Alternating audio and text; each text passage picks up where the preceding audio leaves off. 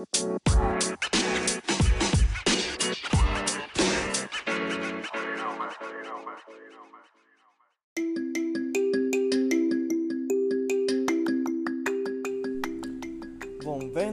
al via podcasto Bitmono kaj Esperanto.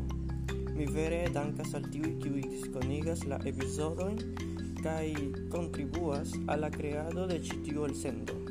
Mi estas Daniel el Venezuelo, akompanu nin dum ni lernas ion pri bitmono. Ni komencu.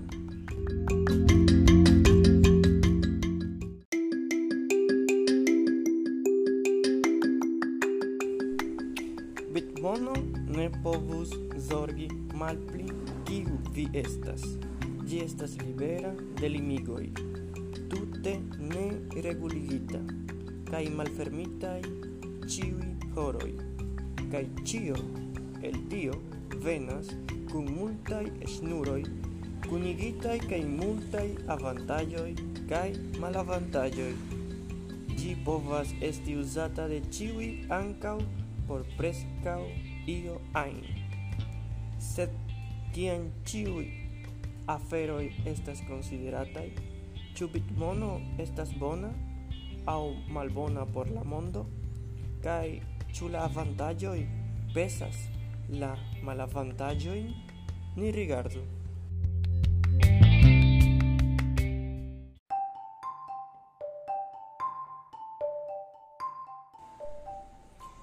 Bitmono povus reprezenti revolucion, ĉar ĝi garantias al homoj novan nivelon de suvereneco kaj tiel novan formon de libereco. Cirilate, gi metas la individuon egale cum statoi au korporacioj.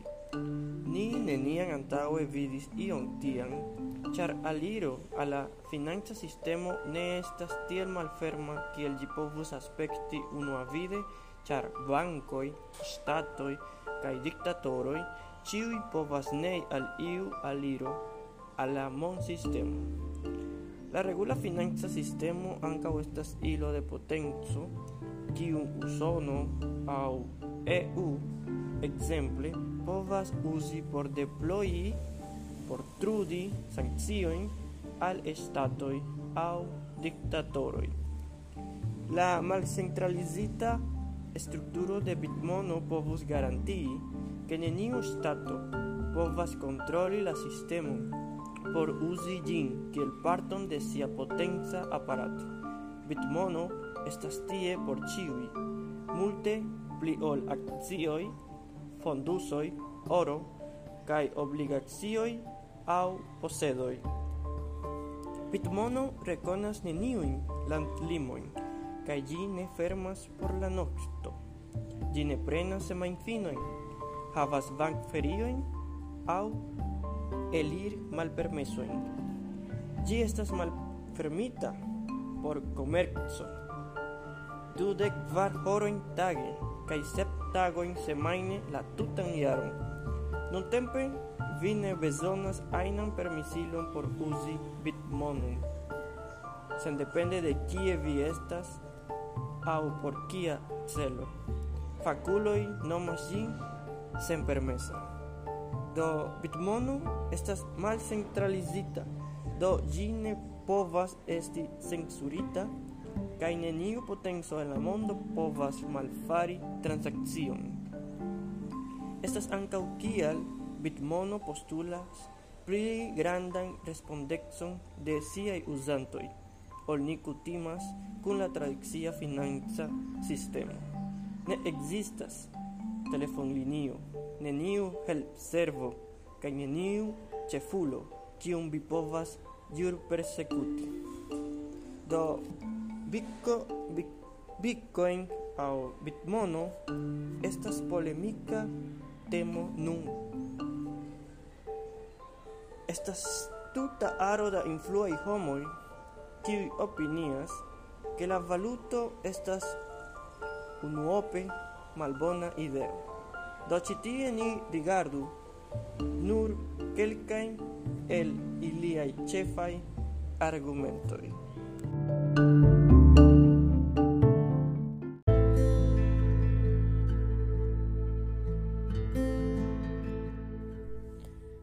La plej sekura loco por mono estas la Centra banco. Christine Lagarde, presidentino de la Europa Centra banco. La kvanto de elektro kiun Bitmono uzas estas grandega. Ĝi ankaŭ estas uzata por lavi monon kaj financi teruron. Christian Lagarde, la unua virino estranta la Europan Centran Banco. Ne kaŝas, ke ŝi ne estas ŝatanto de Bitmono.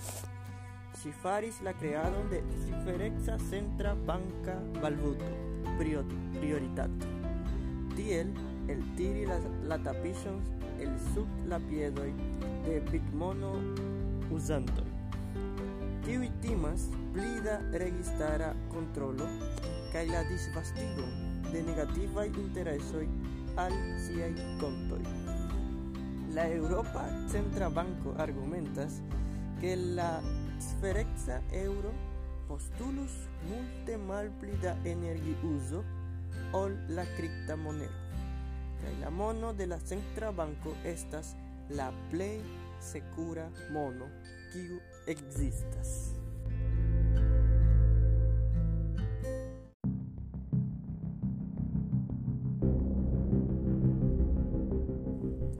Hillary Clinton iama president exino kai usona ministro por exterai aferoi.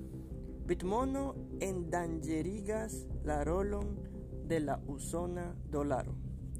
La facto que Hillary Clinton ancora uno el la kai play conata i politica i vocho en Usono, en tutte devus paroli pri cripta moneroi montras kiom grava la temo nun farigis. La exa secretario de stato ne estas ŝatanto de bitmono, zorgante antaŭ ĉio pri la pozicio de la usona dolaro en la mondo. Sen fakte mencii bitmono laŭnome, ŝi diris, kriptomoneroj povus malstabiligi tutajn landojn. Unue pli malgrandaj landoj, sed poste pli kaj pli grandaj.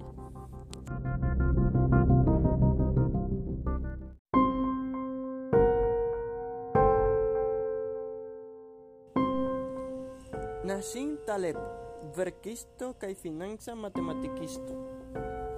Pitmono malsukcesis kiel valuto.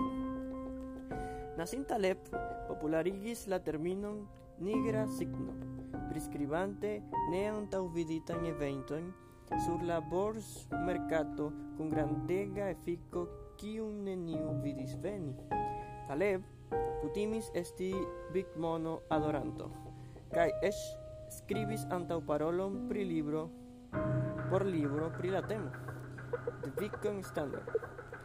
Li ancau prescribis bitmono kiel rezervan opcion registaroi mis usas sien valutoi. Sed en la pasintaj iaroi li vendis sian parolis pri ploris la volatilon de la curso kai nomis Bitmono adorantoi idiotoi en Twitter. Li nun el pensis sian propran nigra libro en respondo a la blanca libro de Satoshi Nakamoto. En gi, li concludas que la long daura valoro de Bitmono estas precise nulo kaj ke bitmono malsukcesis kiel rezerva opcio kaj valuto.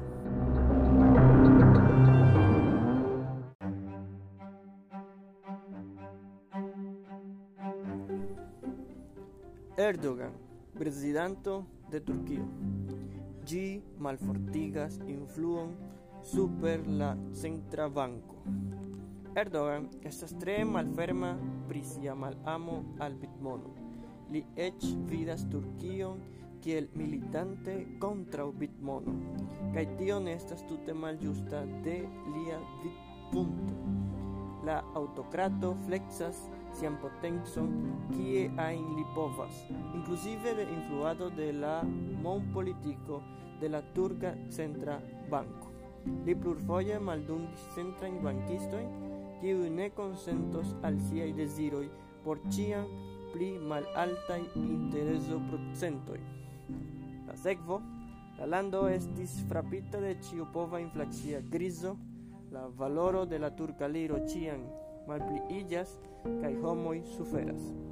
Rompo de la turka loĝantaro montras al granda nombro da junuloj ke kaj la uzo de bitmono kaj aliaj kriptaj aktivoj estas ekstreme alta. Erdogan povas agi contra la borso, sed li ne povas malpermesi la posedon de bitmono.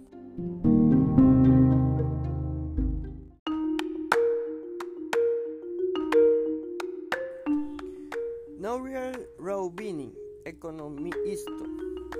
Roubini estis conata kiel doktoro Dum, char li avertis ke la don mercata krevos kaj kaŭzos la financkrizon de la jaro du mil ok, longe antaŭ ol ĝi okazos. Sed li povas preni bitmonon serioze. Robini nomas la ciferencan moneron la patrino de ĉiuj vezikoj kaj vidas malmulton por gajni el ekverelado kun kripto adorantoj. Li ne vidas aliron al financan financa servoj kiel pli ĝusta. Bitmono estas nek senpaga, nek ĝusta, ĉar finfine kelkaj homoj finos posedante plimulton de ĉiuj bitmono, tiu estas ekstere. Tradiciaj financaj sistemoj ne estas anonimaj aŭ malcentralizitaj, sed almenaŭ ili estas sekuraj. Se Ekzemple, kreditkarto estas ŝtelita, la posedanto estas rekompencita. Se cripta posedanto perdas sian privatan ŝlosilon, la aktivoj malaperas.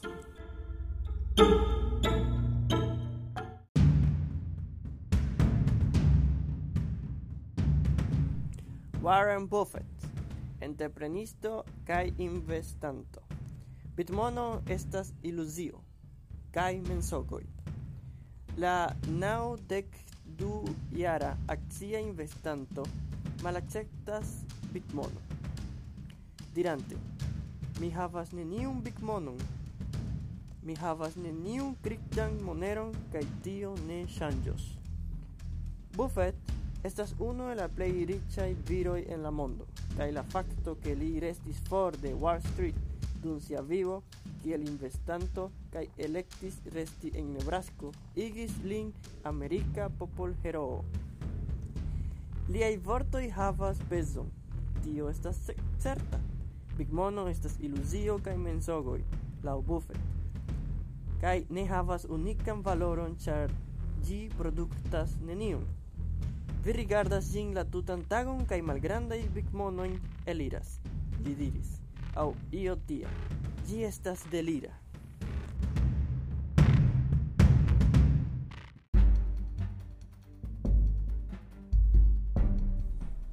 Xi Jinping, prezidanto de la Popola Respubliko de Ĉinio. Bitmono ne povas estis monitorita de la ŝtato.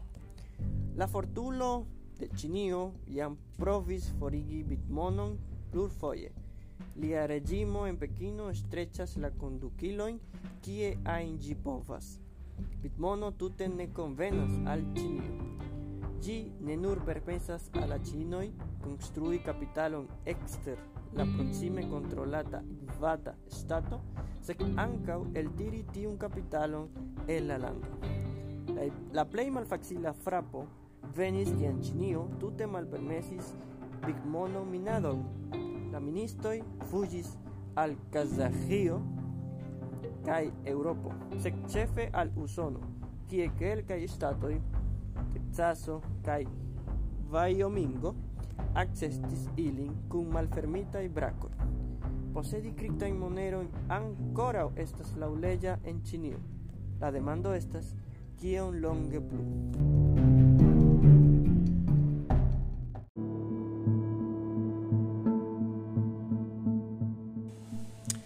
Janek Yellen, usona sekretario de la Fisco, investas investantoj en Big Mono perdas sian monon. Bigmonon estis ekstreme malefika maniero transdoni monon, diris Jelen. Ĝi estas tre konjekta valoraĵo kaj vi scias ke mi pensas ke homoj devas konscii ke ĝi povas esti ekstreme volatila kaj mi zorgas pri eblaj perdoj, kiujn investantoj povas suferi. La nuna sekretario de la fisko preferas diferencan monon de la centra banko. gi povus fari pagoin pli rapidai, pli securai, kaj pli malmultekostaj. Tiui estas gravai celoi.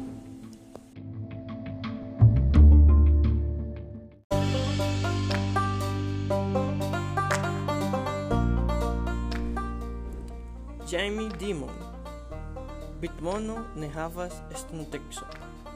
La estro de uno è la plej granda Banco en Usono, havas tre kompleksan rilaton kun Bitmono. Mi persone pensas ke Bitmono estas senvalora, li diris en oktobro de la jaro 2021. Sed lia banko delonge ofertas produktojn rilatajn al Bitmono kaj kripto. Niaj klientoj estas plenkreskuloj, li diris. Se ili volas havi aliron por aĉeti aŭ vendi bitmonon, mi ne povas gardi ĝin. Li dividas la poziciojn de iuj aliaj Wall Street titanoj, kiuj pensas ke pli aŭ malpli frue ŝtatoj komencos malpermesi bitmonon kaj ĝi estos forigita. Ne estos vera ne controlita val valuto en la mondo li diris. Ne existas registaro kiu longe toleros ĝin.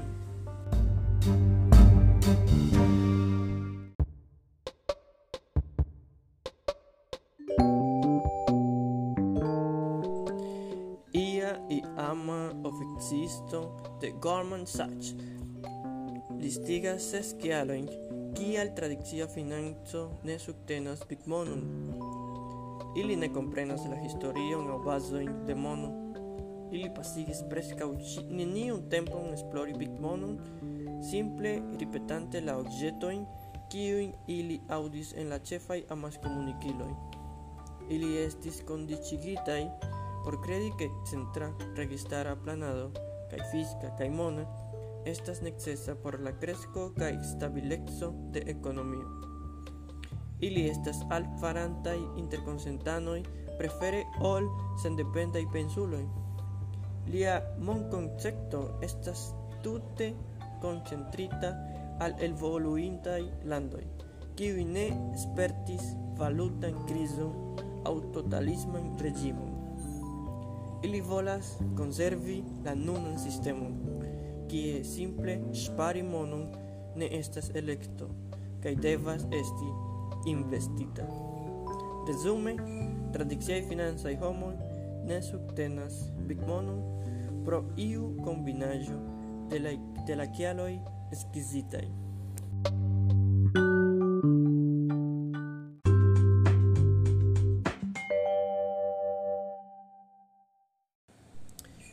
Jen la fino de la dua episodio de la podcasto Bitmono kai Esperanto.